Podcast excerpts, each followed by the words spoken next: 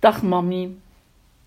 Sinds vorige week lig ik elke avond rond zeven uur in de zetel met koorts. Pseudokoorts noemde onze vroegere huisarts dat. Van gezond naar koorts en griep in tien minuten noemden wij dat. Jij had het en ik heb het ook. We hadden het er soms over dat dit waarschijnlijk lichamelijke stress is. Ik ben er nu van overtuigd. Sinds ik herkende dat ook mijn lichaam rouwt om die kus op je wang bij het binnenkomen, of die arm om je schouder wanneer je het weer even te veel was, of gewoon naast je zitten, mijn bil tegen de jouwe, mijn schouder tegen de jouwe. Niks zeggen voor een paar minuten en dan, tja, mams, ik heb er geen woorden voor en geen oplossing voor, maar zeg me wat je nu nodig hebt. Voel ik de pijn in mijn lichaam, de hunkering naar aanraking, of warmte van jij dicht tegen mij. Dingen die je vaak zijn aan mijn vraag: meer tijd, meer kansen, een sterker lichaam. Je wilde zo graag eens met je twee dochters gaan winkelen, op uitstap, maar dat is er niet meer van gekomen. Je wilde niet in een rolstoel op stap gaan en je kon niet langer dan een uur recht staan. Als je beter was, dan zouden we doen. We lieten je in de waan of speelden gewoon het spelletje mee. Nu mijn hoofd aanvaard heeft dat je er niet meer bent, nu rouwt mijn lichaam. Dus voel ik me heel slecht, omdat het ook letterlijk overal pijn doet. Dat ik dit nu zo bewust ervaar, doet me beseffen hoeveel pijn verdriet doet. Ik had het natuurlijk al gelezen, maar tussen lezen en zelf iets ervaren ligt een wereld van verschil natuurlijk. Bij mij is dat dus koorts en griepachtige verschijnselen. Nu is het mijn lichaam dat moet aanvaarden dat jij er niet meer bent. Ik wou dat ze er een pilletje voor hadden dat dit voorbij was. Nee, niet waar. Ik wil je gewoon terug. Niet in een pot met as, maar in het echt.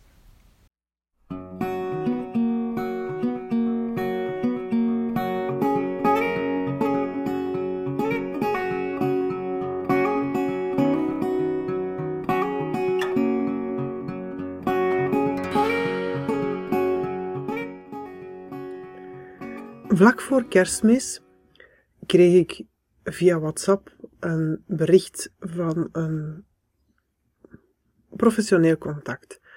Iemand met wie ik eigenlijk een, een, goede band heb. En zij liet mij weten dat haar mama op sterven lag.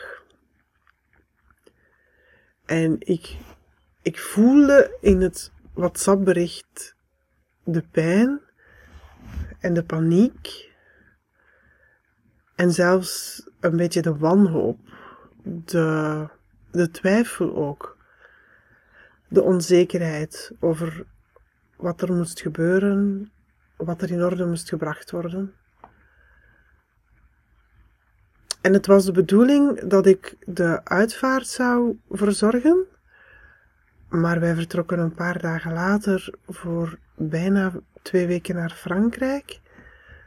En hoewel ik had beloofd dat ik sowieso zou terugkomen, is er uiteindelijk de keuze gemaakt om toch voor iemand anders te kiezen.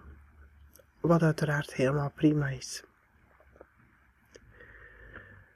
Een paar weken terug stuurde ik een nieuw WhatsApp-berichtje met daarin de vraag hoe het met haar ging. En ik kreeg het volgende bericht terug. En ik ga het heel even openen.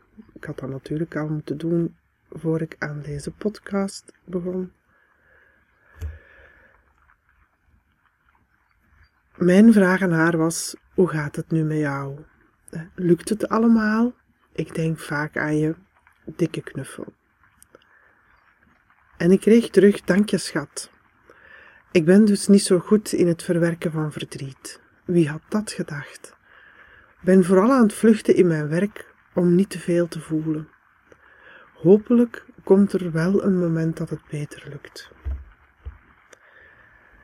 Ik denk dat ik van deze aflevering gebruik wil maken om duidelijk te maken dat rouw zich totaal niet laat definiëren. We denken dat wel. We zouden dat heel graag willen. Er bestaan ook heel veel theorieën. En ik denk dat voor veel mensen die rouwtheorieën echt een houvast bieden. Ik ben er ook van overtuigd dat die rouwtheorieën zeker een houvast, houvast liever bieden voor de rouwconsulenten, de rouwcoaches, psychologen, therapeuten, noem maar op. Omdat je dan een kader hebt van waaruit dat je kan vertrekken.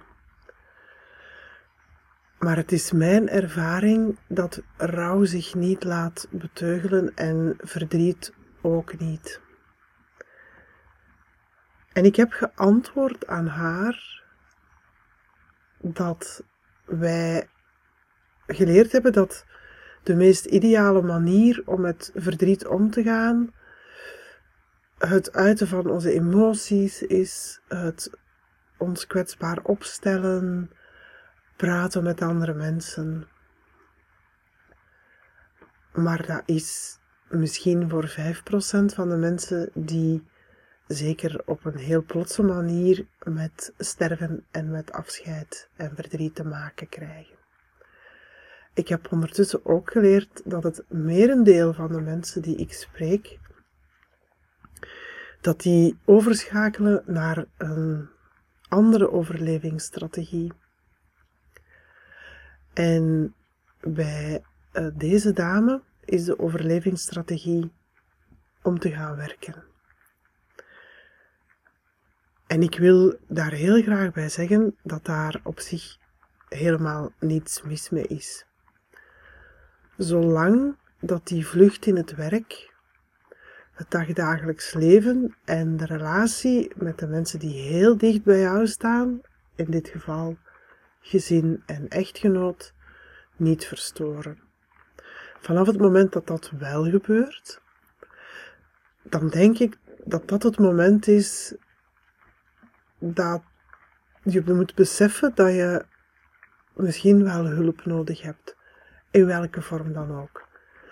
Dat kan gesprekstherapie zijn, um, dat kan sporten zijn, dat kan meditatie zijn, dat kan een pauze nemen zijn.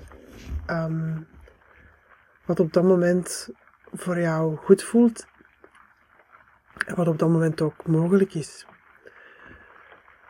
Voor mij was het heel duidelijk, drie jaar geleden, dat mijn sterkste uiting van verdriet lichamelijk was. Ik ben niet gevlucht in mijn werk, totaal niet. Ik had sowieso niet gewerkt de twee laatste maanden van mijn mama haar leven. En ik was na haar overlijden bezig met het afbouwen van de rouwcoaching. En ik was ook heel erg bezig met het nadenken over wat ik nog wel wilde doen, want op dat moment voelde ik mij niet in staat om nog heel veel uitvaarten te doen. En al zeker niet aan het tempo waarop ik het had gedaan de afgelopen bijna twintig jaar. En dat proces van zoeken en veranderen, eh, wie ben ik, wat wil ik, dat uh, gaat tot op de dag van vandaag nog steeds door.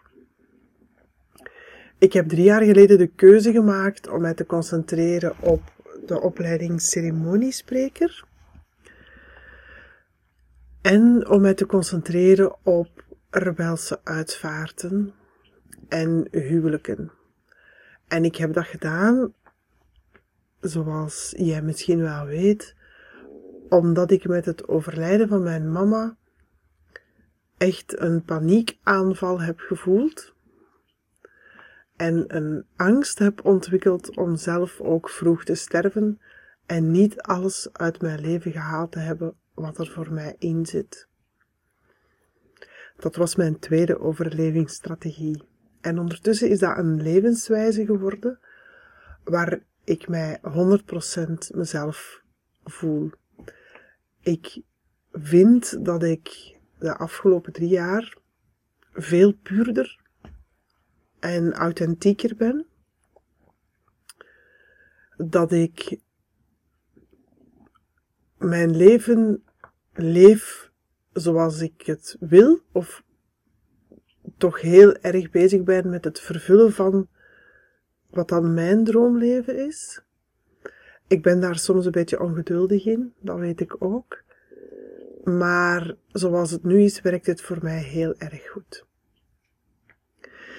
En dat vluchten in het werk van uh, die lieve vriendin herken ik zeker, maar dan op lichamelijk niveau. Um, ik heb mijn lichaam tot het uiterste uitgeput. Alle mogelijke vlakken. Vanaf het moment dat mijn mama overleden was. Ik ben altijd iemand geweest die heel erg gezond heeft gegeten. Maar ik ben daar voor een stukje mee gestopt toen zij overleed. Ik ben sowieso geen snoeper en ik heb heel veel last van suiker en alcohol en dat soort dingen. Maar ik ben wel beginnen eten. Ik heb echt mijn verdriet weggegeten. Dat is echt een zeer lichamelijke reactie. Wat er natuurlijk voor zorgde dat ik, uh, ja, kilo's bijkwam. Wat er ook voor zorgde dat dat extra gewicht een, een last was, een, belasting was voor mijn rug en mijn gewrichten. En ik ben lichamelijk in een visieuze cirkel terechtgekomen waar ik niet zelf uitgeraakte. En waarvoor ik ook hulp heb gezocht. En waarvoor ik ook een uh, ingreep heb gehad, een operatieve ingreep heb gehad. Om maar te zeggen, die pseudokoorts van drie jaar geleden, die heeft heel veel teweeg gebracht. En het is iets dat ik al mijn hele leven heb. En mijn mama had dat dus ook. Dus ik denk dat mijn reactie op heel veel dingen vooral lichamelijk is en niet zozeer mentaal of emotioneel. Ik ben iemand die heel goed luistert naar um, haar lichaam. Ik, ik, ik ben mezelf dat ook verplicht om heel goed te luisteren naar mijn lichaam. Ik kan niet zomaar dagen aan een stuk doorgaan. Ik moet er echt voor zorgen dat ik voldoende pauze neem. Ik heb ook een, um, een immuunstoornis waarvoor ik toen ik 23 jaar was, een anderhalf jaar lang in behandeling ben geweest. En wat sindsdien stabiel is, met opstoten. Dus het lichamelijke aspect van rouw en verdriet is mij zeker niet vreemd. Het emotionele en het, het cognitieve en het spirituele aspect zijn dingen die ik veel beter kan hanteren, waar ik voor mezelf veel betere handvaten voor heb gevonden. En natuurlijk was dat in die periode na haar overlijden moeilijker en liep dat allemaal door elkaar en kon ik mijn emoties, um, ja, gingen die van links naar rechts en, en waren mijn gedachten ook niet altijd wat ze in uh, ideale omstandigheden zouden zijn, maar het, het waren ook geen ideale omstandigheden. Ik was op veel te jonge leeftijd mijn mama verloren. En dan bedoel ik dat zij veel te jong was. En ik vind dat tot op de dag van vandaag nog altijd heel erg oneerlijk en onrechtvaardig. En dat is een gevoel dat waarschijnlijk nooit gaat weggaan. Dat is altijd zo. Als mensen te jong sterven, dan hebben we toch altijd het gevoel dat het leven zich van zijn meest oneerlijke kant heeft getoond. Wat ik eigenlijk wil zeggen nu, drie jaar later, als ik de brief herlees en ook herbeluister, als ik naar Chris luister, die de brief heeft ingesproken, dan denk ik dat mijn boodschap van deze podcast is om het verdriet gewoon toe te laten op de manier waarop het zich toont. En niet te proberen om iets te voelen, te denken, te zeggen wat er in alle boeken staat en wat alle experts zeggen. Er is maar één persoon die het verdriet kent dat je doormaakt en dat ben jij zelf. En het is heel belangrijk om voor jezelf te beseffen dat het allemaal oké is. Ik zou bijna durven zeggen dat je jezelf best toestemming mag geven om te rouwen en verdrietig zijn, maar als ik de woorden toestemming geven uitspreek, dan lijkt het alsof het in eerste instantie niet mag. Maar ik hoop dat je begrijpt wat ik bedoel wanneer ik dit zeg, want uiteindelijk mag dat wel. Um, ik blijf de boodschap daarbij herhalen dat zolang dat het jouw leven en de relaties met andere mensen niet in de weg staat, dat het oké is om verdrietig te zijn en te rouwen. En ik kan ook alleen maar meegeven dat het uiteindelijk een deel wordt van je leven en een stuk van wie je bent en daardoor ook minder overheersend, omdat je het hebt geïntegreerd in wie dat je nu bent en, en wie dat je ook bent zonder. Wat ik niet graag hoor en wat ik zelf ook nooit zeg is dat ik er uiteindelijk beter van ben geworden of sterker ben uitgekomen. Heb ik mezelf beter leren kennen en heb ik keuzes gemaakt die voor mezelf 100% een ommezwaai hebben gezorgd? Die voor mezelf voor 100% een ommezwaai hebben gezorgd? En zit ik daardoor nu beter in mijn eigen leven? Ja, dat kan ik echt wel. Daar kan ik echt volmondig ja op antwoorden. Maar ben ik beter? Beter af? Ben ik sterker? Omdat zij er niet meer is? Ik denk het niet.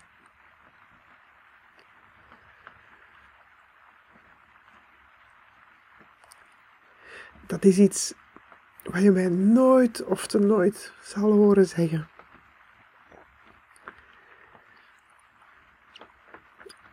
Want ik, ik wil echt tot op de dag van vandaag nog altijd dat zij niet in dat potje met een beetje assen op mijn voorouderaltaar staat.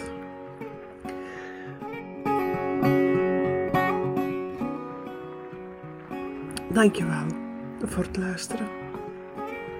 Tot volgende week.